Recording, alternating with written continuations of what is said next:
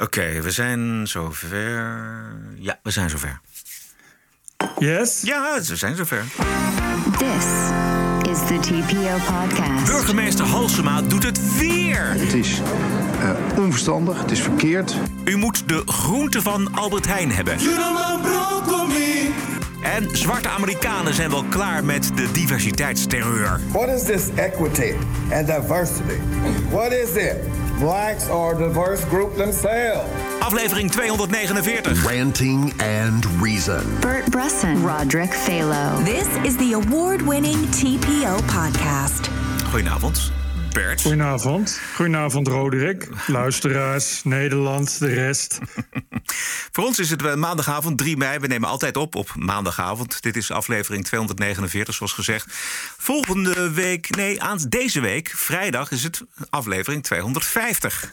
Oh, Ja, wat leuk. Ja. Dan, ehm, dan eh, moet iedereen extra doneren. ik wou het niet zeggen, maar eh, ja, precies. Of wij moeten tracteren, dat kan ook. Maar ik denk dat het, denk dat het andersom is. Ik denk dat iedereen dan extra gaat doneren. Ja, dat denk ik ook. Denk ik ook. Ehm, vandaag is het eh, niet al te gezellig, denk ik, tussen Amsterdam en Den Haag. Weer heeft burgemeester Halsma een groot event laten doorgaan. En volgens eigen zeggen had ze geen keus. De burgemeester zegt dat er niet is ingegrepen om ongeregeldheden en escalatie te voorkomen. En volgens haar trokken daardoor ook geen supporters naar de binnenstad. Ja, dat eh, heb ik zelf gemerkt. Dat was inderdaad niet het geval. Maar het was natuurlijk wel weer even lastig. Het kampioenschap van Ajax en de enorme hoeveelheid mensen die dat op de been brengt, moet ik zeggen. En dat levert natuurlijk, ja, dat kon je mijlenver zien aankomen. Wat doe je eraan? Wat doe je er tegen? Helemaal niks volgens mij. 12.000 sports, zo Ja. wat was het? Ja, ja. Ja, dat, het is te hopen dat er niet een superspreader tussen zit. Nee, nee. Als die over twee weken alle 12.000 eh, naar het eh, OVG gaan, dan... eh, Ja. Maar het is een beetje de, de generale repetitie had ze natuurlijk een jaar geleden. in mei was dat ook, een jaar geleden. Toen met de Black Lives Matter betoging op de Dam. Toen viel het allemaal reuze mee. Toen dacht ze misschien, nou, weet je wat? Ik waag de gok.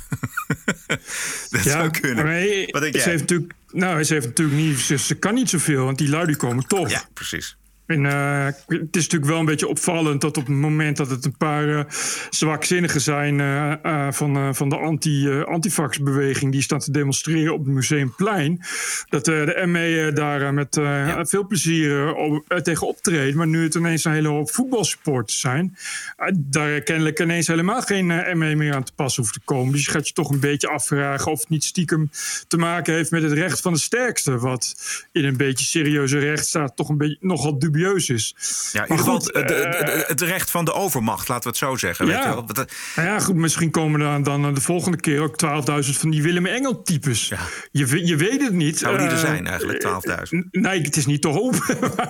Zo te zien, te zien op social media moet dat geen probleem zijn om dat bij elkaar te krijgen. Maar, eh, en, maar tegelijkertijd, ik begrijp, ja, wat, wat, wat moet je anders? Het probleem is natuurlijk dat dit soort mensen, die, die willen hoe dan ook, willen ze een feest vieren. Ja. Dit, zijn, dit zijn hardcore voetballiefhebbers. Dus je hebt wel heel veel ME nodig, wil je die wegkrijgen. En het probleem is natuurlijk dat ze dan inderdaad door de, door de binnenstad gaan zwerven. Dus eh, de-escaleren is ook wel een beetje het enige wat je kan. Of je moet echt eh, hele serieuze eh, het leger willen gaan inzetten of zo. En dat wil je ook niet natuurlijk. Dus, dus ja, er zit gewoon, is gewoon geen andere optie. Eh, ja, in het licht van, van laten zien wat de maatregelen waard zijn, vind ik het heel lastig. Den Haag ook. Het is eh, onverstandig, het is verkeerd. We willen zo snel mogelijk met elkaar eh, corona overwonnen hebben. En dit soort dingen, net als vorige week dinsdag Koningin- eh, Ko- Koningsdag moet ik zeggen... dat maakt dat we toch weer, als we niet oppassen, eh, moeten zeggen... nou, we kunnen dus niet verder met versoepelen. Ik zou echt zeggen dat er iets meer maatschappelijke verantwoordelijkheid mag worden gedragen, ook in zo'n geval. Hugo de Jonge en eh Grapperhaus. Dat laatste was misschien ook wel richting Halsema. We weten het niet. Er zou ongetwijfeld overleg zijn gevoerd. En dit was denk ik vooral tegen de burgers, tegen de supporters. Ja, maar ik, ik, ik begrijp die mensen wel. Maar die, die, heeft het ook niet, niet te maken met. Moet, die, moet dat gewoon dat, dat voetbal daar ook niet rekening mee houden? Maar je, je weet toch dat op het moment dat je.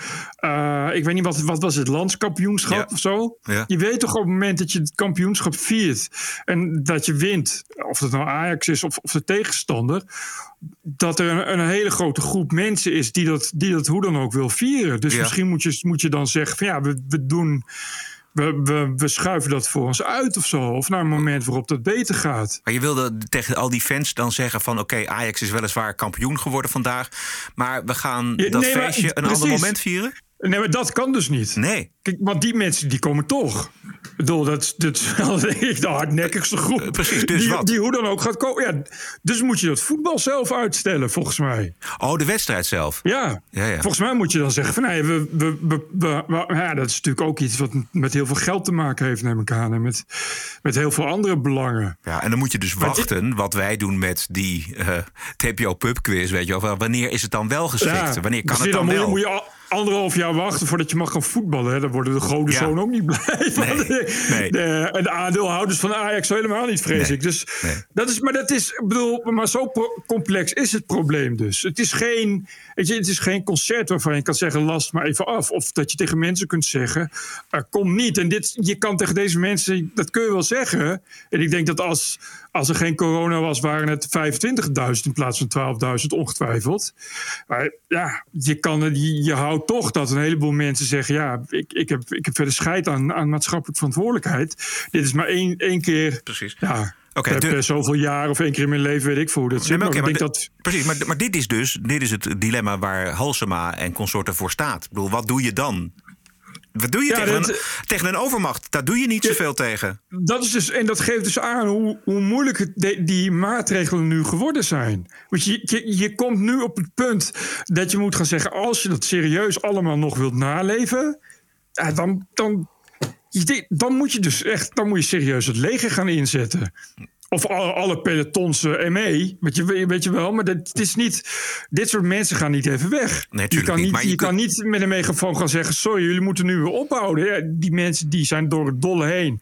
En die gaan hoe dan ook. En ik denk dat een gedeelte, dit zal een klein gedeelte zijn... maar bereid is om daar ook nog voor te, voor te vechten. Dus dan, je, je- hoe moet je dat dan handhaven? Nee, precies. Je, moet het niet, je kan het niet handhaven. Misschien zijn die uitzonderingen, moeten we ons neerleggen, moet iedereen zich neerleggen bij dit soort uitzonderingen. Ik denk als je een, een paar honderd man in een park eh, wilt verwijderen, dat dat nog wel kan. Of je wilt eh, geen bijeenkomsten op het museumplein, dat kan ook nog. Of op het Malieveld. Maar 12.000 man, die hou je niet tegen. Nee, en, maar, maar dat, dat geeft dus de problemen aan. Want ik denk dat nu valt het wel mee. Alhoewel, je weet het niet. Dit is, ik zag wel dat ze wel heel dicht op elkaar stonden. Dus ja, Over elkaar heen hangend, echt. Ja, ja, ik bedoel, dit- kan- het is niet echt het idee dat, je, dat het alleen maar buitenlucht is, zal ik maar zeggen. Dus ik ben benieuwd of je dat over twee weken wat je ervan gaat merken. Maar stel dat het eh, eh, helemaal het begin van de coronacrisis was, weet je. Ja, ah, da- dan, dan, dan was het probleem veel groter. En dit is een probleem wat, wat natuurlijk voor zich uit gaat slepen. Hoe langer het duurt, hoe groter dit probleem wordt. Dat, dat heb je nou ook op Koningsdag gezien. Dat heb je ook al in de zomer in de parken gezien. Of met mooi weer. Dit, dit blijft alleen maar voortduren. niet alle maatregelen zijn eh, te handhaven. Ik weet wel dat je daarmee Nee. rechtsongelijkheid creëert. Want als je een van die 12.000 bent, dan onloop je een boete. En als je een van de honderden bent in een Nee, park of waar dan ook, dan, dan, dan krijg je die boete wel. Nee, Eh, precies. Maar goed, Ehm, het is gebeurd en we gaan eh, afwachten wat het eh, oplevert.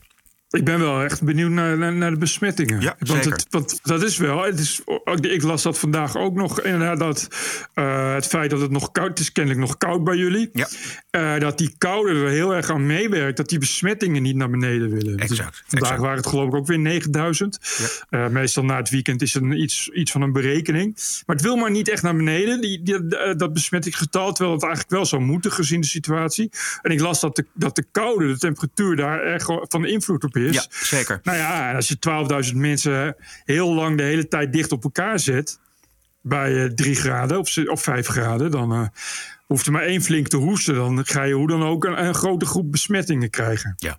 Pas komend weekend gaat de temperatuur richting de 19, 20 graden. En dan kan het ook wel weer hard gaan met die dalingen van de besmettingen. Dat zei inderdaad hoogleraar Kroes van het Academisch Ziekenhuis in Leiden bij de NOS. Het zal ongetwijfeld nu een belangrijke bijdrage gaan leveren uh, als het voorjaar echt begint aan het uh, dalen van de besmettingscijfers. En hoe komt dat? Omdat we dus met z'n allen dan meer naar buiten gaan. Uh, de omstandigheden voor overdracht ongunstiger worden, uh, zullen we dus minder snel die infecties zien optreden. En dat is een, uh, een belangrijk voordeel dat we als het ware nog te goed hebben. Ja. Oh ja, nou, hij bedoelt hier wel dat als het koud is, mensen vaker binnen zitten. Ja, precies. Ja. Dus dat ja. maakt voor die voetbalsupporters dan allemaal niet, Nee. niet zo heel veel uit. Nee. Maar behalve dan dat de besmettingen nog niet naar beneden zijn gegaan. En iedereen, en de kans groot is dus dat iemand Ja. besmet is. Ja, Ja. precies. Dus, maar goed, ehm, eh, vanaf het weekend dus wordt het eh, warmer. Laten we hopen dat het eh, zo blijft. Ik las vandaag de uitkomsten van een interessant onderzoek naar verhoudingen tussen coronadoden, economische groei en de striktheid van de lockdown-maatregelen. De coronadoden staan dan voor de meer bredere druk op de gezondheidszorg. Het is een onderzoek gepubliceerd in The Lancet. Een prestigieus wetenschappelijk tijdschrift. Dus dan, wat daarin staat is meestal waar. En wat blijkt, landen die strikte lockdown-maatregelen afkondigen... zoals Nieuw-Zeeland, Australië, Japan, IJsland en Zuid-Korea... die doen het aanzienlijk beter wat betreft de economie... de druk op de gezondheidszorg, de democratische solidariteit... en burgerlijke vrijheden. Beter dan de stapsgewijze evenwichtskunst... tussen druk op de gezondheidszorg en de economie zoals in ons land. Wat raar, die laatste twee. Je zou denken dat het dan niet positief uitpakt voor burgerlijke vrijheden. Nou ja, tijdelijk. En- Weet je, het is, het, is, het is kort, maar krachtig. Zoals in eh, Nieuw-Zeeland. Daar zijn ze echt in korte tijd. Hebben ze echt de hele eiland. Het is natuurlijk ook een eiland, dat is fijn. Dus je sluit alles Mhm. af. Vliegverkeer, et cetera. Iedereen binnen. Echt flinke maatregelen. Kort, maar krachtig. En dan is, toen was het weg. Ja. En dan heb je dus langer, de, langer de tijd om, om die burgerlijke vrijheden weer in te voeren. En dan is het opeens helemaal vrij. Want kijk, ehm, wij leven hier in Nederland natuurlijk al heel lang, bijna een jaar lang, onder toch beperkte eh, Ja. vrijheden. Ja, en veel erg is dat het hier dan ook af en toe stapsgewijs omhoog gaat. Dat je dan ineens Ja. ook nog een avond, avondklok erbij krijgt. Exact, precies. Of, of verlichtingen die dan op het laatste moment toch nog, nog niet doorgaan. Ja. Dus dat is natuurlijk nooit goed voor je, voor, voor je verhoudingen. Nee. Uh, en dat heb je in, in Nieuw-Zeeland, in Australië, weet je in elk geval waar je aan toe bent. Precies, het is een beetje eh, stinkende monden. Of nee, ik zeg verkeerd, maar eh, zachte heelmeesters maken stinkende Juist, monden. Dat is het, ja, dat is ja. het heel erg. En eh, nou ja, goed, kijk, dat zo'n wetenschappelijk eh, tijdschrift die gaat dat helemaal eh, waardevrij onderzoeken. En die komt gewoon tot deze conclusie. Dus nou ja, ik ga ervan uit dat dat klopt. Eh, nou, dat zou wel kloppen. Ja. Bedoel, eh, dat lijkt me wel een. het, het, op zich klinkt het ook wel logisch. In elk geval, die eerste twee dingen, ja, dat je druk op de gezondheidszorg minder is, ligt natuurlijk voor de hand. Eh, en maar ik denk ook wel dat het gewoon, kijk, dat je solidariteit veel meer vergroot wordt als je als burger weet waar je aan toe bent. Eh, en je ook niet continu. eh, weet je, de, in, in Australië weet je ook zeker dat er, dat er niet stiekem alsnog eh, studenten of diplomaten uit Brazilië en India komen. Ja. Terwijl er een vliegverbod is. Je, je weet dat er gewoon helemaal niemand eh, komt en dat er uit alle landen een vliegverbod is. Dus je denkt dan als ondernemer ook niet van ja, de een wel en de ander niet. Het is gewoon heel simpel voor iedereen een verbod. Ja. Wat trouwens grappig is, is dat Australië ook al, eh, bij Nieuw-Zeeland weet ik niet, maar Australië ook al heel lang heel goed is met, eh, met eh, de asielzoekersstroom over water. Dus de bootvluchtelingen. En hetzelfde harde lockdown-beleid, dat levert al jaren enorme resultaten op. Namelijk nul drenkelingen. ja, het ligt wat ver, Australië, maar we zouden er een hoop van kunnen leren in Europa. Ja, eh, ik bedoel, het is, het is inderdaad. het, het is hard. Eh snoeihard. En het, het is misschien. eh, klinkt het onmenselijk. Maar op de lange duur levert het gewoon toch veel meer op. Nou ja, er verdrinken in ieder geval geen mensen meer in bootjes. Hey, ik, ik las nu dat eh, eh, ze gaan nu weer allemaal richting Italië. Want eh, de stroom hier naar de Canarische eilanden is enigszins opgedroogd. Dat heeft te maken met de heersende wind. Ja. Ik las dat het vrijwel onmogelijk is om nu met, met zo'n bootje van de Sahara naar Tenerife te varen. Omdat de wind je dan weer terugblaast. Dus nu gaan ze weer allemaal via Libië. ja. En daar staan de mensensmokkelaars waar nog steeds helemaal niets tegen is gedaan. Eh, a- anders dan wat van eh, Timmermans. eh, staan alweer klaar om voor heel veel geld die mensen op bootje te zetten. Uh, ja, en dat, dat levert uh, alweer, dat heeft alweer de nodige extreme drama's opgeleverd. Het zijn alweer de bootvluchtelingen die massaal ten onder gaan. er is nog steeds geen enkele oplossing voor. En terwijl ik denk, volgens mij is de enige oplossing tegen al die mensen zeggen: dit is gewoon gesloten. Het is Precies, gewoon je komt er niet in. Precies. Je, gaat er gewoon niet, je komt er niet in. Nee. en, en het werkt omdat die mensensmokkelaars, die kan het allemaal niks schelen. Die willen gewoon verdienen. Ja. En je verdient gewoon niks bij een land waar je toch niet, waar je toch niet naartoe kan. Waar je, waar je onderweg alweer eruit wordt gehaald. Helemaal aan het eind van de show hebben we het over mensensmokkelaars hier in Nederland. Die zijn er ook. Daarover zometeen meer. Maar ik wou nog eventjes terug naar de burgerlijke vrijheden, Bert. Want aanstaande woensdag is het 5 mei. Ja, ja. ik weet waarover het gaat nu. En dan herdenkt Forum voor Democratie samen met een aantal andere organisaties niet de vrijheid die Nederland terugkreeg bij de bevrijding op 5 mei 1945, maar het einde van de vrijheid bij de invoering van de maatregelen van het, uh, tegen het coronavirus. Uh, het poster wordt rondgestrooid met het logo van 75 jaar vrijheid en het kruisje bij het jaartal 2020. En natuurlijk iedereen weer over de zeik. Alle politieke partijen, iedereen doet er zijn zegje over. En Die noemt het allemaal maar hypocriet. Ja, uh, ik vind het heel goed als je het hypocriet noemt. In het geval dat je kan, inderdaad kan zeggen dat uh, de 4 en 5 mei herdenking toch elk jaar netjes wordt uitgemolken door een comité met erin Hans Laroes en uh, Gerdy Verbeet. Om een bepaalde ideologische en politieke vraagstukken aan te pakken. Maar je gaat natuurlijk wel een stapje te ver als je uh, de, de maatregelen die nu gelden vanwege corona. ja, eigenlijk één op één uh, op, op lijn zet met, met de ja, exact, en, en, ja. en, de jodenvervolging. Ja. Je, je, dat kun je wel zeggen, is hypocriet, maar ja, het, het, het past gewoon niet. Nee, het is weer. Het, het is niet eens. Het is weer weg. Nee, ja, precies. Het gaat niet eens om het decorum, maar het gaat gewoon echt om het historisch besef. Je vraagt je af of het hem en Forum voor Democratie te doen is om de provocatie nou, dat ga je wel echt afvragen. Ik heb echt het idee dat hij gewoon uh, uh, elke dag met mensen gaan zitten. Hoe kunnen we nu eens ophef veroorzaken? Ja, dat zou dus, en, het, en, en, en het probleem, het is, gewoon, het is natuurlijk gewoon aandachtzuigend kleutergedrag. En het probleem met kleuters is dat ze natuurlijk altijd een stapje verder willen nog. En ja. dat, zie je dus, dat zie je dus hier gebeuren. Ja, je, je, je weet natuurlijk dat, dat uh, uh, zo, die poster, die dag, die natuurlijk, natuurlijk ja, toch een soort van vrij heilig is in Nederland. Ja. Die, die, die herdenking, dat je, als je dat erbij betrekt op die manier, dat iedereen daar woest over is. Ik denk dat uh, Baudet natuurlijk is intelligent genoeg om te weten dat hij hiermee provoceert. En dat is hem. Precies. Nou, dat neemt Precies. Hij, dat, is, dat is natuurlijk de bedoeling.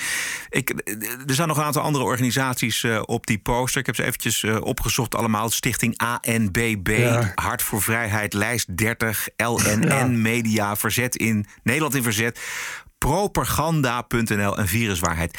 Het zijn allemaal organisaties die, hebben, die bestaan allemaal uit dezelfde mensen. Precies. Nee, dat zijn allemaal van die Willem Engel-types. Ja. En, uh, en andere coronawappies. En bij die mensen kun je nog denken van... ja, het onderwijs is al niet al te goed in Nederland. Dus ik heb ook niet het idee dat die mensen überhaupt heel erg beseffen...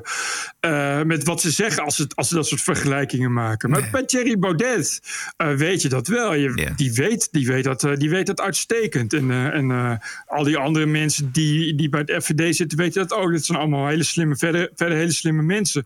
En intelligente mensen. Dus... En, en dat maakt het zo misselijkmakend. Dat je weet, ja, ja op, weet je, op deze manier is het niet. Je wil ook helemaal niet iets aankaarten. Je wil alleen heel goedkoop ophef veroorzaken. Ja. Te meerdere ere glorie van, je, van jezelf. En.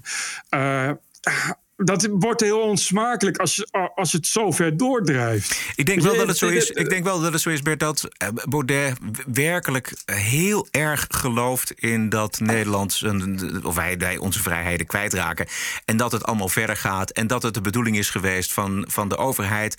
En ik denk dat, dat hij dat echt denkt. Als je kijkt naar de beroemde vrijdagavond.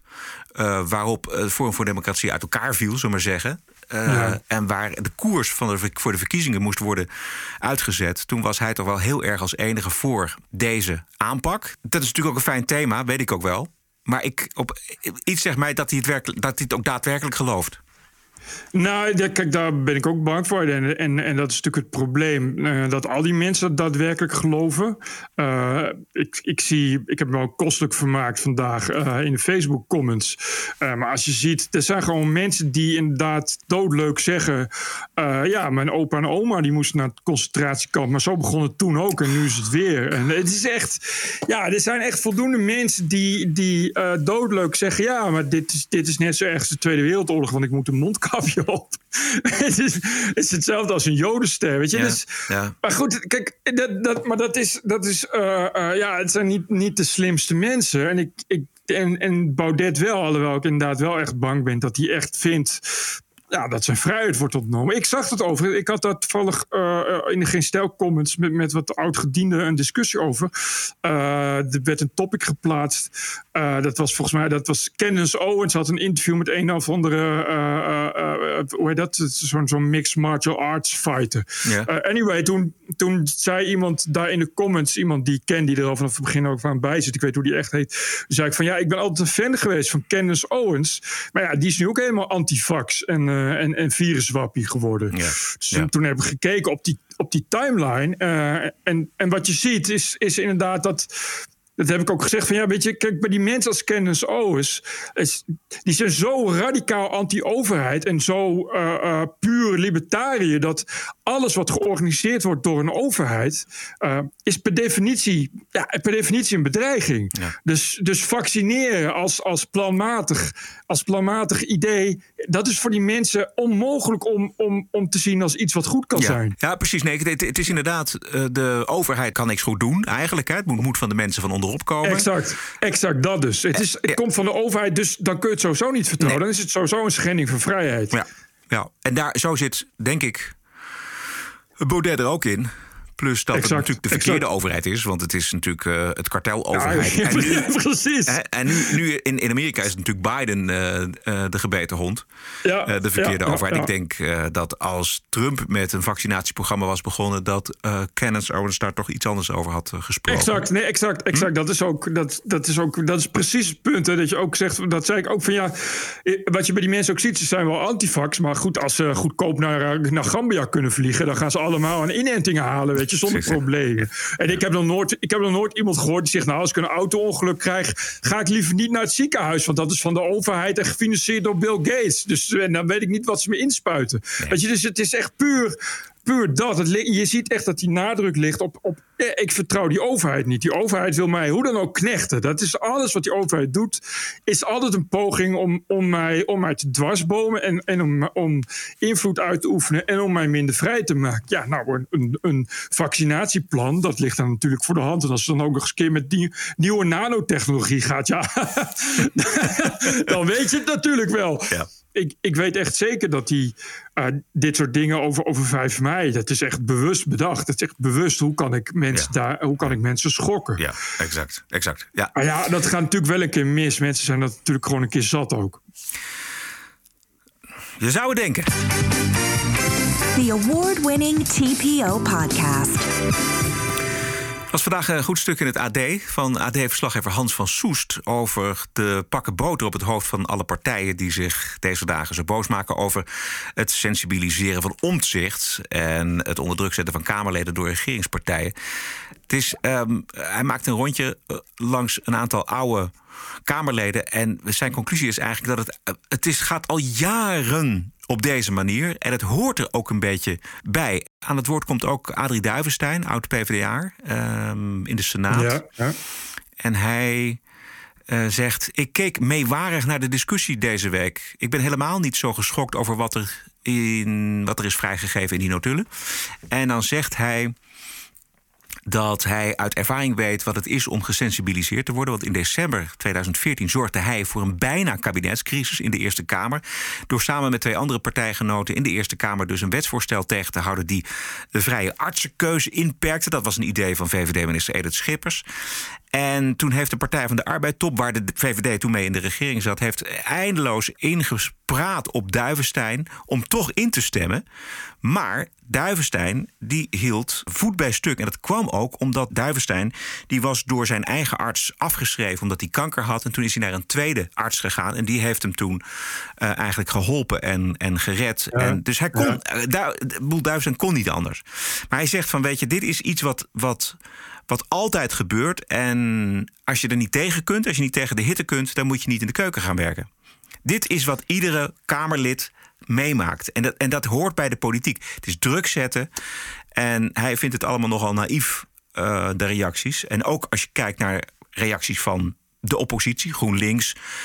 SP, we hebben natuurlijk uh, het Sine-Usdeal gehad bij GroenLinks. Die werd ook heel kritisch aangepakt uh, over ja, de afschaffen van de basisbeurs. Geert Wilders ging heel erg de strijd aan in zijn eigen partij met Hero Brinkman. En laten we bij de SP niet Sharon Gersthuizen vergeten. Want die ging ook weg dat er zo weinig ruimte was voor kritiek. En tot slot zegt dan die... Uh, Herma Lodders van de VVD die eruit gewerkt zou zijn. Weet je nog wel, dat vorige week ja, ja, ja, laten horen. Dat Wilders zei van nou, ze zal wel een paardenhoofd in het bed gevonden hebben. En Lodders zegt van nee, dat is absoluut niet waar. Ik ben gewoon weggegaan, dus echt mijn eigen keuze geweest. Dus ik, ik, toch, ik vond het toch mooi. Ik weet wel dat we echt dualisme nodig hebben in Den Haag. Maar ik vond het ook. Ik proef ook uh, de laatste weken toch ook wel enige hypocrisie dat het alleen aan de VVD zou liggen. Of dat het alleen aan het CDA zou liggen. Ja, ik, ik, ik dacht wel van het is natuurlijk wel uh, hypocriet van al die andere partijen, want die zouden hetzelfde doen. Of die, die doen ook hetzelfde. Die doen hetzelfde, precies. En die hebben, hebben, het, hebben hetzelfde gedaan. Uh, dat wel. Dus, maar het, kijk, ja, het is, ik vind het ook wel weer heel makkelijk om te zeggen: ja, uh, ik vind het allemaal niet zo, niet zo opzienbarend wat in die notulen staat. en het hoort bij de politiek. Maar ja, dan, kijk, je zit nu wel al met tien jaar met Rutte. Uh, dus dus het, het, weegt dan ook wel zwaarder. Ik kan wel begrijpen dat je Rutte moe bent. Dat begrijp ik wel. En dat het op een gegeven moment denkt van nou ja... en misschien is die over zijn houdbaar, houdbaarheidsdatum heen... en moet die plaatsmaken. Ja. Dat begrijp ik wel. Maar dat is iets anders dan om nu te doen... alsof er onder Rutte een nieuwe bestuurscultuur uh, heeft plaatsgevonden. Oh, zo, nee, precies. Maar het ging over zoiets wezenlijks... waar ook heel veel anderen zich niet over hebben geroerd... en waar, waarin de, de, uh, het, het terughalen achterhouden van feiten. Nou, precies. Dit is, kijk... en, en, en het optreden van de regering zo, uh, zo uh, dubieus en, en schokkend was. dat het daardoor zeg maar, is geëxplodeerd. En dat je zegt van oké, okay, maar dan. Dat, en dat mensen zeggen: oké, okay, dus in de ministerraad wordt dan besloten dat. Uh, uitgerekend is zo'n beetje de enige die wat doet, omzicht.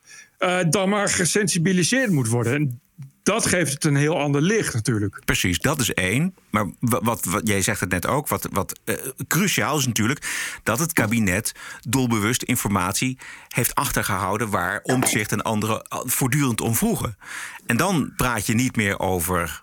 Uh, kan je niet tegen de hitte, gaat dan de keuken uit. Maar dan praat je echt over informatievoorziening waar het kabinet een plicht toe heeft richting de Tweede ja, Kamer. Ja. En dan, ben je, dan heb je het over iets anders. Maar het, het, zeg maar, het, het bespelen of, of het. Uh, het, het, sensibiliseren, dus zeg maar een gesprek voeren, onder druk zetten van Kamerleden uit de coalitiepartijen. om te zeggen: ja, deze wet moet nu echt, dit is kabinetsbeleid, deze wet moet er doorheen. En, je, en we hebben jouw stem ook nodig. En dan dat, dat masseren, dat hoort bij de, de, bij de politiek. Dat is iets ja, anders dan informatie exact. achterhouden voor, exact. voor Kamerleden, denk ik. Nou ja, nee, nee, natuurlijk hoort het bij de politiek. Let's go. De Wookweek. I was offended and I have rights. TPO Podcast. You're an adult. Grow up. Deal with it. I don't care. care. Dit zijn de berichten uit de open inrichting. Zij vorige week nog de open samenleving, dus iets heel anders. Dit is de open inrichting waar we, het, uh, waar we de berichten van, uh, van krijgen. Mensen, bedrijven, instanties die zich een slag in de ronde deugen... en die buigen voor de terreur van de identiteitsideologie. En top of the list is toch wel de 91-jarige Britse politica Betty Boothroyd. Zij zou deelnemen aan een verplichte diversiteitscursus van het Britse Hogerhuis, zeg maar de Nederlandse Eerste Kamer. Betty kwam niet opdagen omdat zij net een open hartoperatie had ondergaan en haar artsen deelname aan deze cursus haar verboden. En nu heeft het Hogerhuis een onderzoek ingesteld naar haar afwezigheid bij de diversiteitstraining. Uh, ja, zeg nog even dat deze vrouw wat, 91? 91. Ja, en, da, en het was dus een online meeting. Eh, maar die arts had gezegd, ja, dat, dat kan ook niet. Je moet echt volledige rust houden. Ja. Uh, en wa- wa- wat, wat, ik, ik appte jou dan. Wat, Ja. wat, eh, de, de titel van die cursus was ook heel veelzeggend. De training heet Valuing Everyone. Oftewel, Oh, iedereen waarderen. Ja. En het was een verplichte cursus. Ja, onvoorstelbaar, ja. Eh, de, voor het lagerhuis, dus voor de Tweede Kamer in Groot-Brittannië... was het fa- facultatief. Maar op een of andere manier moeten al die oudjes... want het zijn vooral oudjes in het Hogerhuis... moesten allemaal verplicht, moet je nagaan. Heb je 91 jaar op deze wereld doorgebracht. Heb je alles meegemaakt, de Eerste en de Tweede Wereldoorlog. En dan moet je... Na een open hartoperatie word je verplicht naar zo'n diversiteitstraining te gaan. Nou ja, dat is, dat, is, dat is nog tot daar aan toe. Maar dat als je dan niet gaat, dat er dan een serieus Ja. onderzoek naar Ja. komt. Ja. Dat je dan dus niet kan zeggen... ook mensen, ik ben 91, ik ben geen 53, ik ben 91. Dus ik kan moeilijk eh, mijn open hartoperatie uitstellen. Het zal sowieso wel heel wat zijn, dat, want het- ook daar hebben ze eh, druk op de ziekenhuizen gehad. Dus het was vast al eerder is uitgesteld. En dat je dan zegt, ik weet niet eh, hoe het met jullie zit... maar ik vind mijn open hartoperatie hier eigenlijk belangrijker dan een online cursus. Ja. Ik Eh, heb, maar dat dan niemand kan zeggen: oké, dat hier trekken we wel de grens voor iemand die 91 is. Die er al, al zo lang zoveel voor ons doet. Dat Ja. is, is bijna Ja. harteloos en onmenselijk. Dat je alsnog een serieus onderzoek gaat instellen. Ik weet niet waar het onderzoek precies vandaan komt. Of het van het Hogerhuis komt of van de organisatie die daarop aangedrongen heeft. Want ik, maak, ik werd wel eh, zeg maar, geïnteresseerd in die organisatie. Dat is eh, het bureau Challenge Consultancy. Dat is een adviesbureau dat is gespecialiseerd in diversiteit en gelijkheid. En het bedrijf draait. Heb ik even nagekeken. Normaal zo'n 33 miljoen euro omzet per jaar. Aan cursussen? Met het geven van diversiteitstrainingen, ja. Jesus Christ. 33 miljoen euro. 33 miljoen. Exactly. Maar die business die is op een of andere manier in elkaar gezakt. Want voor het, e- de eerste twee kwartalen van dit jaar komt deze firma niet boven de 1,6 miljoen uit. En als dat dus zo doorgaat, dan daalt de omzet met een factor 10. En dat zou een verklaring kunnen zijn dat ze denken: ja, we hebben iedereen nodig. Dus ook een 91-jarige mevrouw die net aan haar hart is ook geopereerd. Dus we moeten, het is schrapen geblazen. Wat, weet je, zo'n bedrijf, als het een beetje succesvol is, dan breidt het zich al snel uit. En dan, als het dan weer wat minder gaat, dan vo- voordat je het weet, moet je mensen op straat zetten. Dus misschien was het eh, gewoon ieder oudje telt. Je, je begrijpt in elk geval meteen eh, waarom het verplicht is ook. Ja, exact. Dat is, Ja. dat, eh, is, dat, dat is, eh, waarschijnlijk was het in het lagerhuis was het niet verplicht. En toen ineens bleek dat ze heel weinig omzet hadden dit jaar. Dat ze dachten, nou misschien moeten we dan maar zorgen dat we het verplicht gaan maken. En toen was het hogerhuis aan de beurt. Ja, precies, precies. En dit is een miljardenbusiness. We hebben het al vaker gezegd. Ik heb ook al een keer een column over hè? Maar dit is, is zo gigantisch, jongen. Dit is zo enorm. En ook in Nederland loopt het enorm. Weet je, op iedere hoek van de straat heb je een trainingsbureautje voor diversiteit. En ze hebben het tij mee. Want alle bedrijven en alle instanties en alle overheden die, die, die willen dat. Dus die willen gewoon een wit voetje halen bij de woke-beweging. En die willen dus eh, laten zien: kijk eens, wij doen ook aan dit soort trainingen. En doe maar er ik- niet aan mee, mensen. Weiger de training. Doe het niet. Ja. Maar, maar dat is, ja. Of mag ik dat niet zeggen? Nee, juist wel. Dat moet je juist wel zeggen.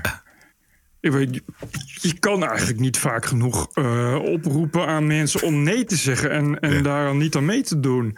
Het zeker lijkt me als je in het Hogerhuis zit, dat je daar ook nog wel een politiek slaatje uit eh, kan slaan door niet mee te doen. Ja.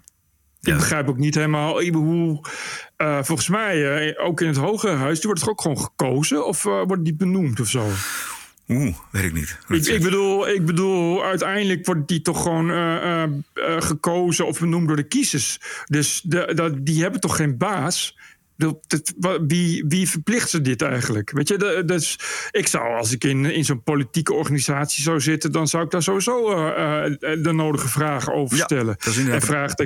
En in elk geval voor, eh, nou ja, voor de conservatieve partijen of, of weet ik veel wat, voor de rechtse partijen. Ja. Laatste woorden er absoluut nog niet over gezegd. Want het heeft tot een hoop ophef gezorgd in, in Engeland. Nou, terecht. Terecht, precies. We gaan naar Albert Heijn. Want Albert Heijn haakte handig in op de Nederlandse Songfestival inzending met de tekst. In de Albert Heijn advertentie zien we twee broccoli's van 89 cent volgens mij per stuk. En uh, met de tekst ook zo'n trek gekregen na het horen van ons Songfestivalliedje. Boze Surinaamse Nederlands, want het nummer was nou juist zo serieus bedoeld. Verwijzingen naar de slavernij. De tekst is You no man me. Het betekent niemand mag mij breken. Het gaat over de slavernij. Ja. En nou las ik, Bert, want ik, veel media schreven dat Albert Heijn zijn excuus had aangeboden. Ja. Maar NRC schreef, volgens mij als enige, namelijk dat Albert Heijn helemaal niet zijn excuus heeft aangeboden. Dat klopt, omdat Albert Heijn heeft namelijk helemaal niet sorry gezegd. Exact. Albert Heijn heeft alleen uitgelegd waarom we deze reclame maken. Je hebt zoiets gezegd van, nou, wij uh, haken graag in op de actualiteit Ja. uh, en dit en dit. Maar die reclame hebben ze dus niet weggehaald. En ze hebben dus ook geen sorry gezegd. Nee.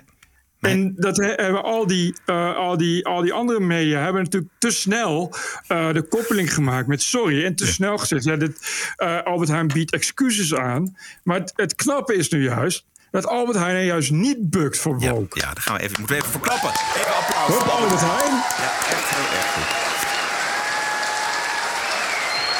Ik zou zeggen, iedereen even broccoli halen bij, de, bij de Albert Heijn. Zij hebben gewoon gezegd: het is uiteraard nooit onze bedoeling geweest iemand voor het hoofd te stoten. Nou, dat is natuurlijk keurig, dat is prima. Dat is, dat is ook helemaal niet hun bedoeling geweest. Maar ze hebben geen excuus gemaakt en ze hebben de advertentie niet gecanceld. Wat goed is. Exact. Ja. Exact, dat is, want die advertenties, voor ik het begrijp, hangt die er gewoon nog. En wordt die, werd die nog, wordt die nog gewoon gebruikt? Of misschien is hij nu alweer in roulatie, maar toen er de klachten overkwamen, hebben ze hem in elk geval niet weggehaald of aangepast. Ja. Ik ben overigens erg blij dat ik dankzij al deze mensen en Albert Heijn nu ook dit liedje heb gehoord. ik had er nog nooit van gehoord. Ik begreep helemaal niet waar de ophef over was. Of wie, uh, wie uh, die zingende Surinamer überhaupt was. Maar ik begrijp nu, en ik begrijp nu dat het ook een songfestivalliedje is. Uh, ik ben heel blij dat ik dat nu allemaal weet. Ja, hè? 22 mei ja, mag hij meedoen in de, in de finale van het Songfestival. Nu we het toch over de media hebben. Uh, vandaag kwam uh, uh, Telegraaf met het verhaal dat in een online magazine, SF-Gate, een recensent iets had geschreven over een Disney-attractie in Disneyland van Sneeuwwitje. en dat Sneeuwwitje eigenlijk ook niet meer kan, omdat die wordt wakker gekust door een prins. En iemand die ligt te slapen of in coma ligt wakker kussen, is natuurlijk je reinste culture en me too. dus uh, uh, dat allemaal ook niet meer kan. En de Telegraaf heeft dat echt eruit getrokken en daar een enorm artikel van gemaakt. Met uh, als kop, Sneeuwwitje, met als kop zeg maar ongeveer in de richting van Sneeuwwitje mag nu ook niet meer. alleen wat mij opviel. Was dat dit soort woke dingen dus vooral echt groot worden gemaakt door de media. Ja, ja. Want het is namelijk in 2017. 18. Uh, het, nee, 2017 oh. gebeurde al exact hetzelfde, maar toen met Doornroosje. Doornroosje uh, viel dus ook in een hele diepe coma en werd ook wakker gekust door een prins. en in 2017 werd daar op exact dezelfde wijze door exact dezelfde media ook al over geschreeuwd. Want toen was er ergens een moeder in Groot-Brittannië die hardop had gezegd dat eigenlijk door een roosje verboden zou moeten worden, omdat het MeToo een was. Uh, en wat de grap is, als je dat nu op Google bekijkt uh, en je tikt dat in, je tikt dan in door een roosje kus of sneeuwwitje kus, dan zie je als eerste ook echt al die media met die schreeuwende koppen. Ja. Terwijl je bij jezelf denkt van... Goh, wat is eigenlijk heel grappig als de Telegraaf... Want het was trending topic op Twitter de halve dag. Als de Telegraaf dat niet over had geschreven... was het ook geen trending topic geworden. En was het in Nederland geen issue geweest. En het staat in een of andere obscure online magazine... in een recensie. En je wil echt niet weten hoeveel en hoe vaak recenten tegenwoordig... Uh, de meest verschrikkelijke woke dingen schrijven. Dat ja. is echt de, de normaalste zaak van de wereld. En al die verschrikkelijke online magazines... die worden allemaal beheerd door millennials. Dus die doen niet anders dan in elke recensie... wel iets, iets klagerigs over niet woke genoeg. Uh, te veel blanke mannen, te weinig vrouwen. Je kent het allemaal ja, wel. Het is echt een hele kleine minderheid die daarover dramt. En dankzij dit soort media die het aan de haren bijtrekken... wordt het ineens heel groot ja, gemaakt. Zeker. En niet alleen de Telegraaf. Je ziet het ook bij alle andere kranten. Uh, er gebeurt bijvoorbeeld iets in, de, in het buitenland. En dan wordt er gekeken... hey, speelt zoiets in Nederland ook? Of kan zoiets in Nederland ook spelen? Precies. En dan pakken ze het heel groot uit. En dan, voordat je het weet, is het inderdaad een, uh, een, een grote zaak. Die media fungeren als vliegwiel. En het komt ook elk jaar terug. Want het is elk jaar iemand. Ik kan me nog herinneren dat er in Nederland ook een of andere idioot aan de Universiteit van Utrecht zat. Die vond dat de Lion King uh, was eigenlijk je reinste fascisme en dat soort dingen. Weet je, dus het is, het is iets wat, wat ook echt continu speelt. Maar het is eigenlijk totaal niet nieuwswaardig. Nee. Weet je, het, ik bedoel, maar ik, je gaat je afvragen waarom de, de Telegraaf er zo groot mee uitpakt. Want het is echt een Amerikaans ding. Maar ook echt op een, op, op een blog wat, wat door Nederlanders sowieso niet wordt gelezen. Nee, ik- en en, en in, in, een, in een recensie.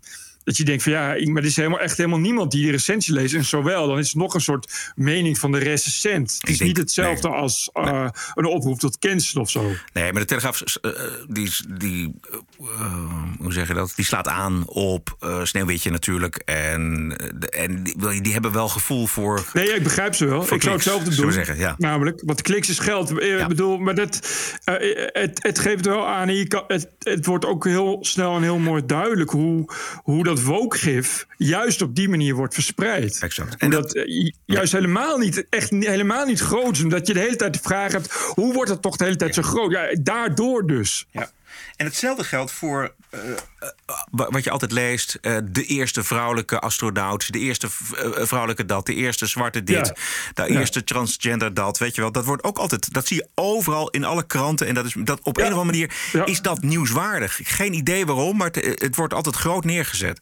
Ja, ja die, die, kijk, die media die kunnen daar niet genoeg van krijgen. Nee, dus, en die worden, daar ook, die worden daar ook nat van. Ik, wat, ja. wat, was laatst bij de Volkskrant? Die zetten dan er gewoon ook onder een nieuwsbericht... ook nog, uh, ook nog onder uh, wel een beetje jammer, een beetje weinig vrouwen. Jammer. Ja. Weet, je, dat, weet je, dat soort dingen dat je echt denkt van... ja, het zit zo verweven inmiddels met de journalistiek... dat je daar gewoon niet aan ontkent. Maar dit is voor die woke-activisten... die hebben eigenlijk elke dag een field day. die hoeven niet zo heel veel te nee, doen namelijk. nee. nee exact. Een beetje de krant te lezen. Uh, woensdag aanstaande is het 200 jaar geleden dat Napoleon Bonaparte ja. overleed op het eiland Sint Helena. En dat gebeurt onder andere met een mega tentoonstelling in Parijs. Maar ja, u weet, begrijpt het wel, dat gaat natuurlijk niet zomaar. Een koloniaal historicus, een anti-racisme-activist, die vinden daar wat van. Want uh, Napoleon deugde niet. Zoals hij 200 jaar geleden wel had moeten deugen. En u begrijpt wel, als er een, Bert, als er een koloniaal historicus en een anti-racisme-activist samen een stuk schrijven voor Le Monde, dan weet je wel waar dat uh, naartoe gaat. Ja, um, ik, uh, er zitten ook drie van dat soort types in de vooravond, zag ik net op Twitter. Oh ja, oh, jezus. Over hetzelfde onderwerp. Ja, uh, even kijken, even, even één seconde, dan uh, lees ik het even voor. Ja. Ik dacht die tweet van de vooravond. De vooravond is wat van uh, BNN Vara of zo? Ik weet het ja, niet. volgens mij wel, ja, met uh, ja, met Fidan en Rens Klamer, geloof ik. Eén ja. seconde. Ah, hier. Uh, even kijken, de tweet gaat... Was Napoleon de verlichte overwinnaar van Europa? Of een slavenhandelaar, vrouwenhater en dictator? Bert, dit is precies waar we het nu over hebben, man. Dit is precies... Ja. We hadden dit, nog, geen, nog geen 30 seconden geleden hadden we het erover.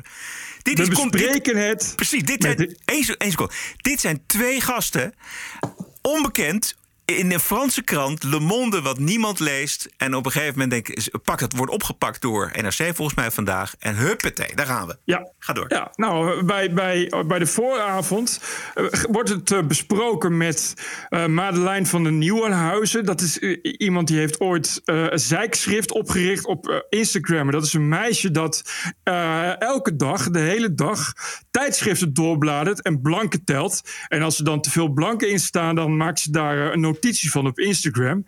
Uh, en sinds, sindsdien uh, ja, uh, wordt ze door de media alom geprezen. Omdat ze zo'n lekkere woke, woke activist is. Sazia Mourali, die oh. presentatrice, want die woont in Parijs. Geen idee wat dat ermee te maken heeft. Maar goed, de mensen waren op, denk ik. En voormalig, voormalig Frankrijk-correspondent Stefan de Vries. Ja, nou ja, weet je... Die, die is wel leuk. Dat je, dat, je, dat, dat je denkt, ja, ik, ik, Napoleon, ik... Wat, wat had je verwacht van Napoleon dan? Dat hij, uh, dat hij die woke-generatie uitroept en, uh, en, uh, en zijn keizerlijke garde alleen nog maar vrouwen toelaat? Of, of ik bedoel, wat, ja, wat, waar gaat het over ja, het precies? Gaat, het gaat om het volgende. Het was, ik heb even gekeken wat nou precies het probleem was.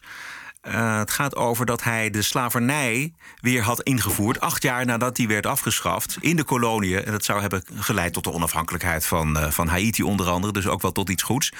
En verder is het zonneklaar dat Napoleon vrouwen en mannen geen gelijke rechten gaf. We hebben het over 200 jaar geleden.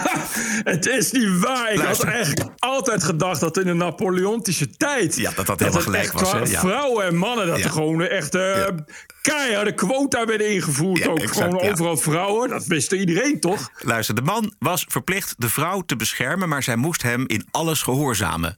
Als een vrouw vreemd ging, mocht haar man van haar scheiden, maar als een man vreemd ging, mocht zijn vrouw alleen van hem scheiden als de man zijn matresse in huis had genomen. Daarnaast stond bij de man op overspel als maximale straf een boete, terwijl de vrouw tot twee jaar gevangenis straf kon krijgen. Kortom, dat was dat de zin in het NRC Handelsblad. Kortom, Napoleon was een hartstochtelijk voorstander van het patriarchaat.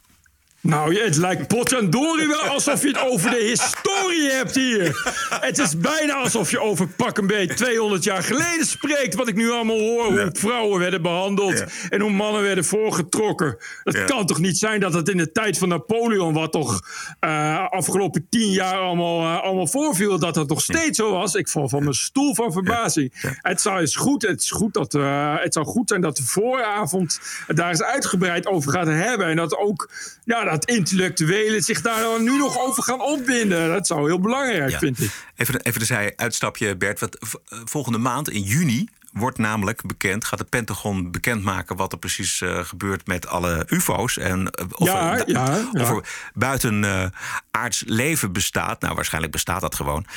Ehm, en dat zijn dan echt hyperintelligente wezens die eh, natuurlijk al lang weten wat er allemaal gaande is. En, en dit soort zaken waarschijnlijk ook in de gaten hebben.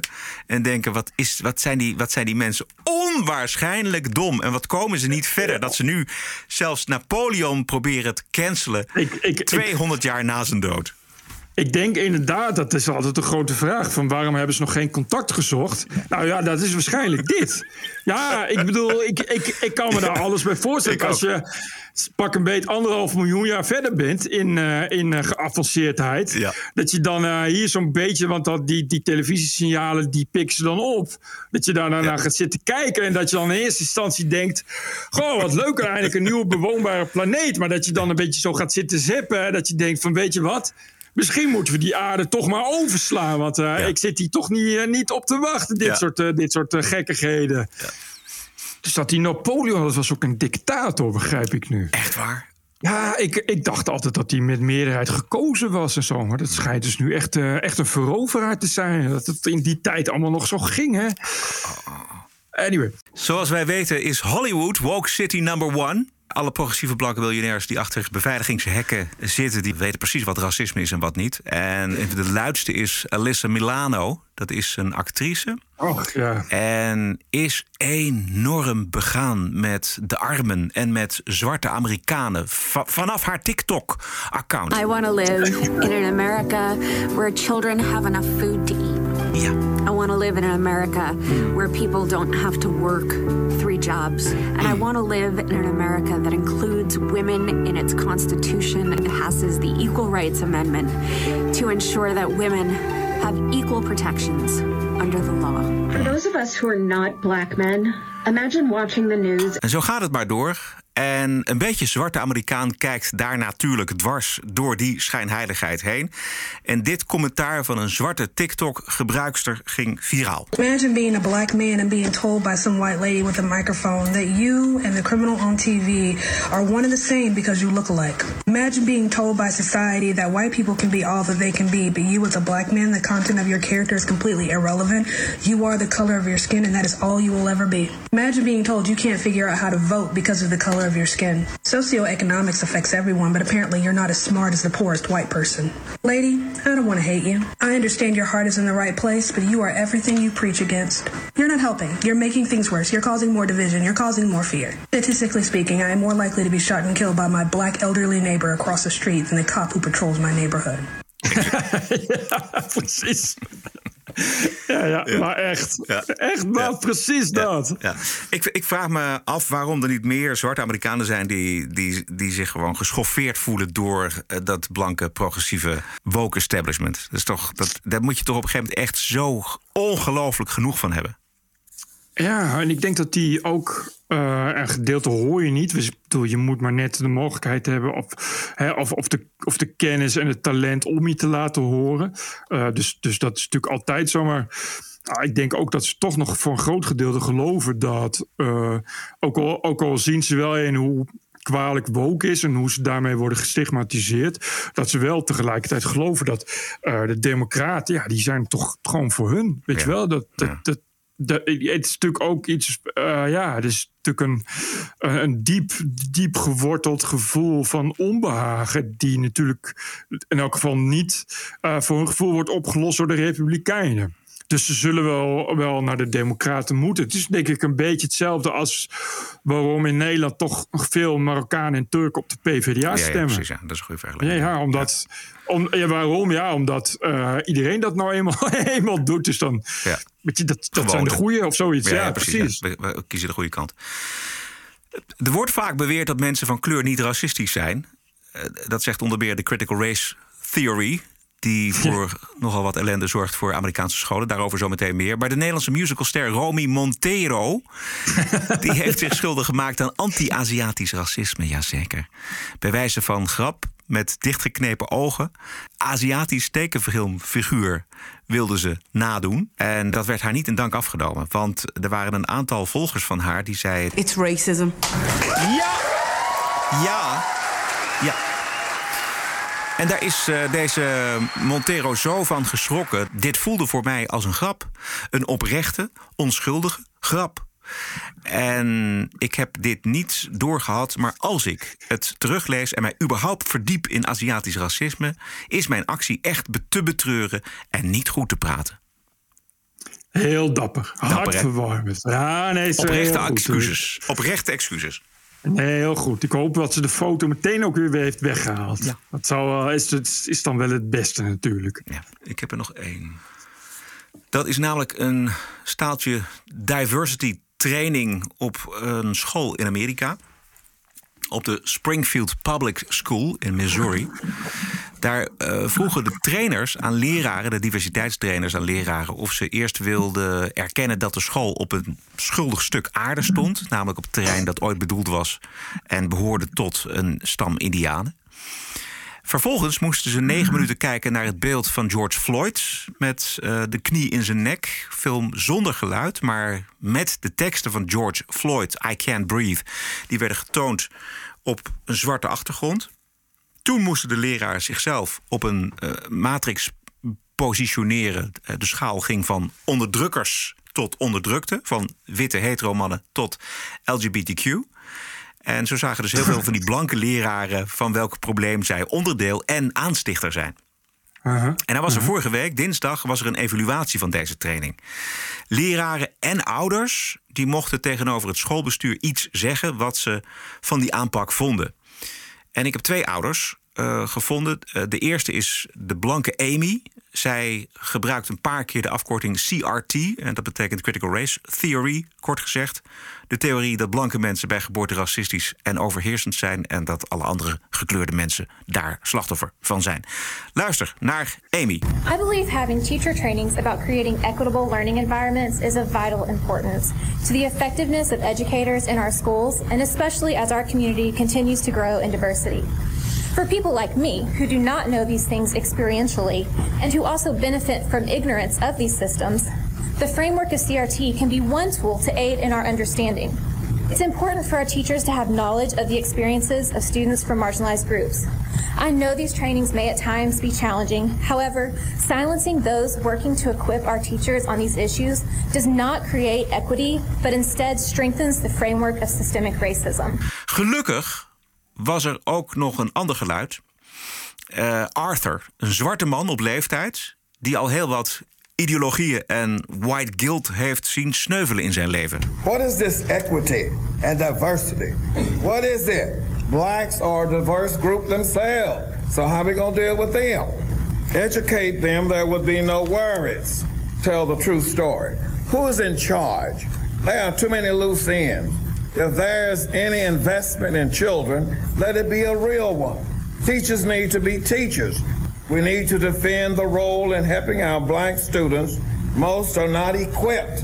When they come here, we never check on them. They just float through the system upon arrival. Also, our Hispanic kids, many of them are way behind, but we come up with other stuff in this equity diversity place. We need to educate our children some consideration. Also, I brought about the discipline and the food service program needs to go back to the school district and let them take care of the cooking and preparing meals for our children. They get the same stuff every day pizza, pizza, pizza. Also, hard copies. I tried to help a young student today. No hard copies in the school. No books. What is going on? What is the real agenda? Please tell me. Ja, ik krijg hier echt kippenvel van. Ik vind dit zo ontzettend goed. Gewoon een zwarte man die zegt... Waar zijn de boeken? Waar, mijn, mijn kinderen krijgen geen boeken. Waar is de discipline? Leer ze iets, die kinderen. En geef ze goed eten. Dus alleen, alleen uh, aandacht en geld voor, uh, voor diversity training. Ja. Maar uh, geen, geen aandacht en, en geld voor, voor onderwijs, voor boeken. En, en voor, voor überhaupt uh, uh, ingrijpen zodat iemand een goede kans krijgt. Dit is in één situatie eigenlijk precies het probleem in een notendop. Namelijk, Juist. wat hebben zwarte kinderen nodig? Goed onderwijs. Dat ze goed voorbereid zijn. Dat ze skills hebben. Dat ze verder kunnen in de maatschappij. Dat hebben ze nodig. Wat wordt er gegeven? Diversity trainingen. Uh, critical Race Theory ideologisch gelul. Marxisme. Marxisme, waar blanke Amerikanen, progressieve Amerikanen zich goed bij voelen. Want ze doen zogenaamd iets. Ze doen geen fuck. Helemaal niets doen ze voor die zwarte bevolking. Helemaal niks. Ja, exact. Ze kopen dus, hun uh, schuld af. Het is white ja, guilt. Ja, absoluut. Absoluut. 100 procent. 100% dat. Ja. Het is, uh, uh, dat is, weet je, dat, dat, de, die schuld zit er gewoon, zit er gewoon in. Het is een, ook een, een, een bereidheid om, om alles te doen. Uh, om toch, toch een soort van, soort van schuld in te lossen. Omdat ze toch het idee hebben. Uh, ja, ze hebben ook zoveel natuurlijk. Het gaat natuurlijk ook snel om rijke mensen, om de elite. Die natuurlijk uh, heel veel hebben en heel veel hebben vergaard. en dan toch denken van ja, maar ja, ik, het is uiteindelijk heb ik mijn Amerikaanse droom kunnen waarmaken. Omdat ooit in slaven is gehandeld. En omdat ooit Indianen zijn onderdrukt. En weet ik veel wat. Dus daar zit een, een gevoel van schuld. Ja. En dat, en, en dat, maar dat kun, je niet meer, dat kun je niet meer vereffenen. En dat willen ze dan toch proberen. Ja. En daar gaat het dan wel mis ja, natuurlijk. Precies, dus zo gaat het. We gaan waarderen en doneren, Bert. Ja. Dat, yes. gaan, dat gaan we doen. Dit is de TPO-podcast. En we bestaan bij de gratie van onze luisteraars. Die waarderen en doneren. Ranting and Reason. En daar zijn we heel erg blij mee. Want wij willen geen subsidie. We willen ook eigenlijk geen commerciële invloed. Uh, dit is gewoon de TPO-podcast. We zijn onafhankelijk en we willen dat graag blijven. En dat kunnen we alleen maar als wij af en toe van onze luisteraars een hart onder de riem krijgen. Oftewel een donatie, Bert. Uh, het is ook belangrijk dat we uh, onafhankelijk blijven. Anders krijg je weer dat uh, woke-activisme gaat klagen bij de adverteerders. en dan kunnen we weer niet zeggen wat we willen. Dus ja, vandaar. Juist. Roy Brekelmans, beste Roderick en Bert. Aangezien ik net jarig was, 27 april, dacht ik... dat is een mooi moment om wat extra's te doneren. Hierbij 10 euro van mijn verjaardagsgeld. Groet, Roy. Dank je, Roy. Bedankt voor je verjaardagsgeld, Roy. Uh, Martijn Timmermans. Heren, zojuist een kleine donatie van 15 euro gedaan aan jullie uitstekende podcast. Graag wil ik van dit moment gebruik maken om dwars te cancelen vanwege het cultureel toe-eigenen van de Ramadan. Dat kan toch niet zomaar? Anyway, ik heb nog een jingle request. En dat moet zijn: hoop is overal om ons heen aanwezig. Komt ie. Ik Wacht even. Even en hoop is overal om ons heen aanwezig. Vooral heel dat, goed. Vooral het aanwezig is mooi. Ja, het is heel goed. Hartelijke groeten, Martijn. Bedankt, Martijn. Uh, ah, Erwin Liesting. Hallo, Roderick en Bert. Als luisteraar van het eerste uur zojuist 500 euro overgemaakt. Wow. Vanwege de aanstaande 250ste podcast. Dan heb ik mijn schuld voor de afgelopen uitzendingen voldaan. En tevens de volgende 250 ook vooruit betaald. Zo. Ga vooral door, niet alleen vanwege jullie frisse geluid, maar ook vanwege mijn vooruitbetaalde podcast. Zeker. Groeten, Erwin Liesting. Erwin, ontzettend bedankt jongen voor deze prachtige donatie. Ja, uh, dat zou, uh, is goed als iedereen dat doet. Dat ja. uh, iedereen voor de 250ste podcast 500 euro doneert. En de laatste is van Alex Filipovic. Beste Roderick en Bert. Wat erg dat de FVD-aanhang meteen in een reflex schiet wanneer er kritiek wordt geuit op Baudet binnen de podcast. Als ik het voor hun mag opnemen als FVD'er, is het dat we een diepe zorg delen om Nederland. Na Fortuyn wist ook Baudet deze zorg om Nederland juist te vertolken in de politiek.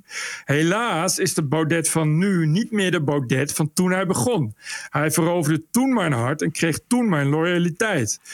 Nu ben ik op het punt gekomen dat loyaliteit niet moet omslaan in blindheid.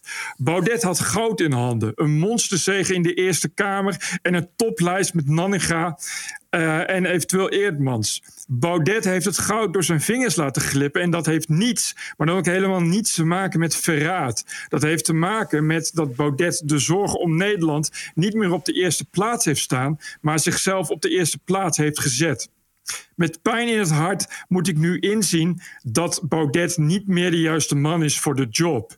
Bij deze de eerste 52 euro donatie voor jullie podcast. Met vriendelijke groet Alex F. Alex, ik denk dat je namens heel veel oud-FVD'ers spreekt. Juist. Uh, je hebt het heel goed onder woorden gebracht, denk ik.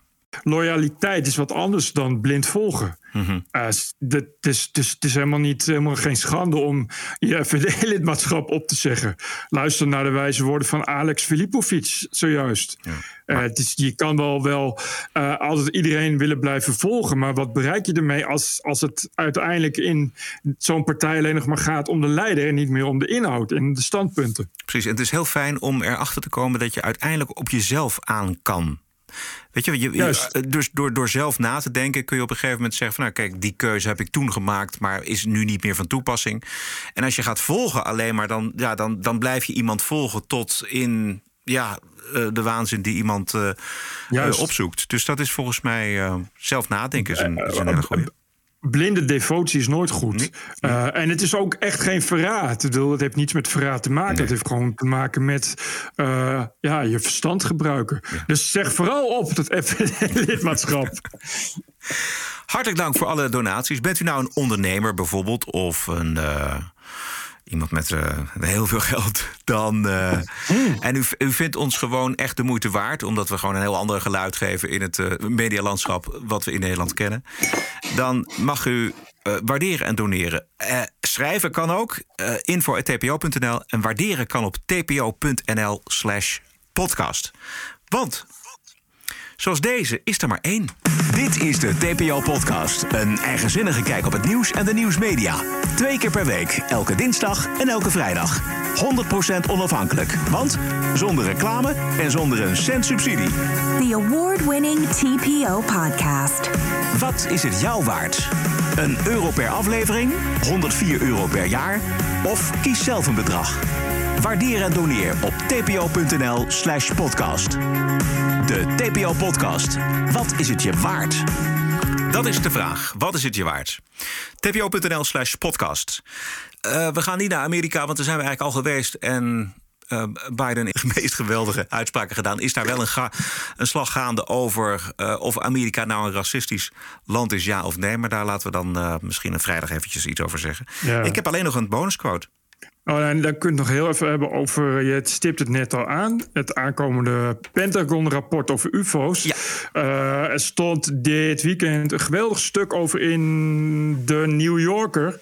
Er wordt uitgebreid ook gesproken met Leslie Keane. Leslie Keane is een van de journalisten die uh, in 2017 dat verhaal over die tic-tac van de Nimitz oh, heeft gebroken op de voorpagina van de New York Times. En zij heeft ook een uitstekend boek geschreven in 2010. Dat heb ik gelezen, kan ik iedereen aanbevelen. Ook een standaardwerk over, uh, over UFO's en dan vooral over uh, laten we zeggen, uh, de serieus te nemen uh, onderzoekbare zaken. En hoe je dus inderdaad journalistiek kunt bedrijven over UFO's zonder te snel te vervallen in allerlei wappiegelul. Ja. Namelijk dat je op zoek kunt gaan naar verifieerbare feiten en dat je intelligente mensen daarover aan het woord kunt laten.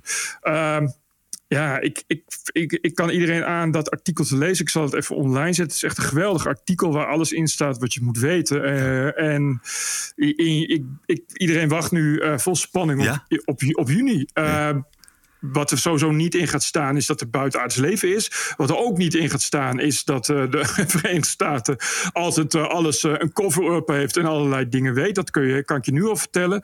Wat er wel in gaat staan, is nogmaals de bevestiging van het Pentagon, eigenlijk van de Amerikaanse overheid, dat er regelmatig iets door het luchtruim, en overigens ook het water, dat voert iets verder, maar in elk geval dat er regelmatig iets in het luchtruim vliegt.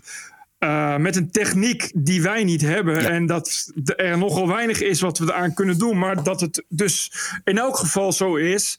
Uh, ja, dat ze bestaan. Dat UFO's bestaan. En dat ze uh, serieus worden genomen door de Amerikaanse overheid. Maar dat het dus iets is Waarvoor, waarvoor, we geen verklaring hebben. Dat is zo'n beetje wat er in dat rapport komt te, komt te staan. Ja, maar dan zal toch uh, ook in het commentaar van serieuze mensen zijn... ja, 1 plus 1 is 2. Als het geen apparaten zijn die uh, op de aarde uh, gemaakt kunnen zijn... Dat, ze niet, dat het geen Russen zijn, het zijn geen Chinezen... en ze komen van, van buiten, ze hebben een techniek die, die wij nog niet kennen... Exact, ja, exact. Dan, dan is de sommetje, het sommetje weer snel gemaakt, volgens mij. Kijk, de conclusie is dan natuurlijk aliens. Ja, precies, ja. dat, dat, is het enige, dat is nou, ongeveer het enige wat je kan.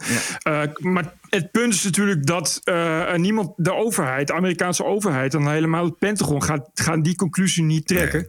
Nee. Uh, en dat is ook, uh, ook precies waar dat artikel in de New York over gaat. Dat, dat je, je moet daar juist weg van blijven. Ja. Je moet alleen beschrijven, observeren wat, wat de observeerbare feiten zijn. En dat is dat je iets ziet wat met zo'n rare hoge snelheid en, en, en, en kennelijk zonder aandrijving door de lucht vliegt. Ja. Uh, en waar onze meest moderne vliegtuigen, uh, vecht, gevechtsvliegtuigen no match tegen zijn dat het dus iets is waarvan je niet kan zeggen wat het is. Ja, natuurlijk is dan de conclusie, het zijn aliens.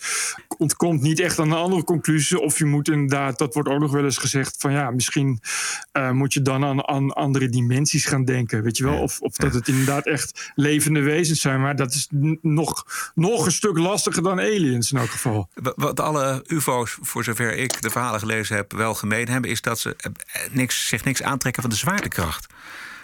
Dus vandaar ook is... de hoge snelheid. En ja, waarmee ze ook weer ja. komen en gaan. Wat, wat, het, wat, er, uh, uh, wat dat betreft is er al best wel veel uh, gededuceerd ondertussen. waar iedereen zo'n beetje op uitkomt en waar ook al onderzoek naar is gedaan, is inderdaad de gedachte dat er met een bepaalde vorm van veel, veel, elektriciteit en magnetisme je als het ware een soort zwaartekrachtvrije bubbel creëert. Mm -hmm. Is er al een datum bekend volgende maand waarin. nee, maar volgens mij was het uh, uh, 180 dagen nadat die wet werd aangenomen. Oh, dus okay. er is sowieso een, een, een, uh, een, datum aan verbonden. Maar volgens mij is het gewoon 1 juni. Oké, okay. Jesus, man. Spannend. Bonusquote. This is the TPO podcast. Bonusquote is een beetje een open deur, maar uh, hij komt van een woordvoerder van de Koninklijke Marechaussee in het NOS-journaal vandaag.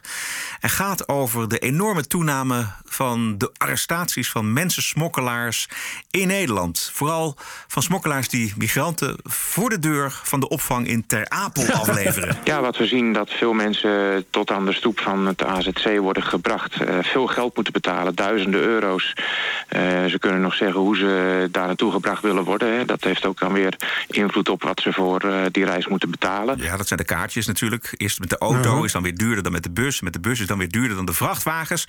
Waar migranten uitspringen als ze eenmaal in het land zijn. De NOS die wil nog niet van een trend spreken... maar het asielbeleid van dit kabinet is toch wel het beste omschrijven... als een, ja, zeg maar zo'n mooi roestvrij stalen vergiet bij u thuis in de keuken. Over een paar jaar is pas duidelijk of er sprake is van een trend. Wel zijn er vaker berichten over illegalen die uit vrachtwagens springen bij controles aan de Belgische en Duitse grens. Dit gaat natuurlijk allemaal over dat fantastische asielbeleid in Nederland van onze grote Precies. vriendin Broekersknol. Alleen daarom al hoop ik dat we toch snel tot een nieuw kabinet kunnen komen. Kijk, een beetje mensensmokkelaar zou natuurlijk denken van... Uh, weet je, ik, uh, ik smokkel je alleen uh, het water over... en dan moet je het zelf maar uitzoeken. in dit geval zeggen ze van... Oh, in Nederland kunnen we wel weer verder... want daar wordt ons toch geen strobreed in de weg gelegd. Ik denk dat, ze, ik, ik, denk dat er aan iedere kilometer in Europa geld te verdienen valt, Bert. Ik denk, ja, dus, exact. Hè, dus ze worden overgebracht naar Italië of Spanje... en dan de volgende 100 kilometer betalen ze daar weer dan voor. En het wordt allemaal al daar geregeld. En het is toch waanzin dat je weet dat hier dus ook mensensmokkelaars zitten. Want die moeten in opdracht van de mensensmokkelaars in, in, in Marokko en Libië uh, uh, dus, dus handelen.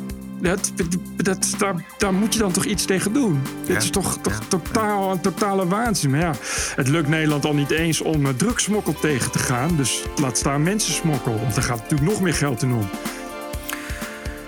De TPO-podcast is te vinden op onder meer Spotify, Apple Podcast, iTunes en natuurlijk tpo.nl. Zeer veel dank voor de ondersteuning van deze aflevering 249. Post kan naar info.tpo.nl en uh, waarderen, doe doneren, zou ik maar zeggen. tpo.nl slash podcast. En volgende week vrijdag is het nummer 250. Op vrijdag 7 mei. Ja. En we hebben ook nog een mooie winkel. Ja, tpopodcast.nl. Dan kun je dit soort shirts kun je, kun je dan kopen. Oh, die ja. Oh, die zie dit, dit, dit, soort, dit soort mokken. Of, of, of deze mok. Of, uh, of, of, of deze mok. Het is, het is allemaal heel, heel mooi spul. Is het. Oké, okay, goed zo. Stay cool en tot vrijdag. TPO Podcast. Bert Bruson, Roderick Balo. Ranting and Reason.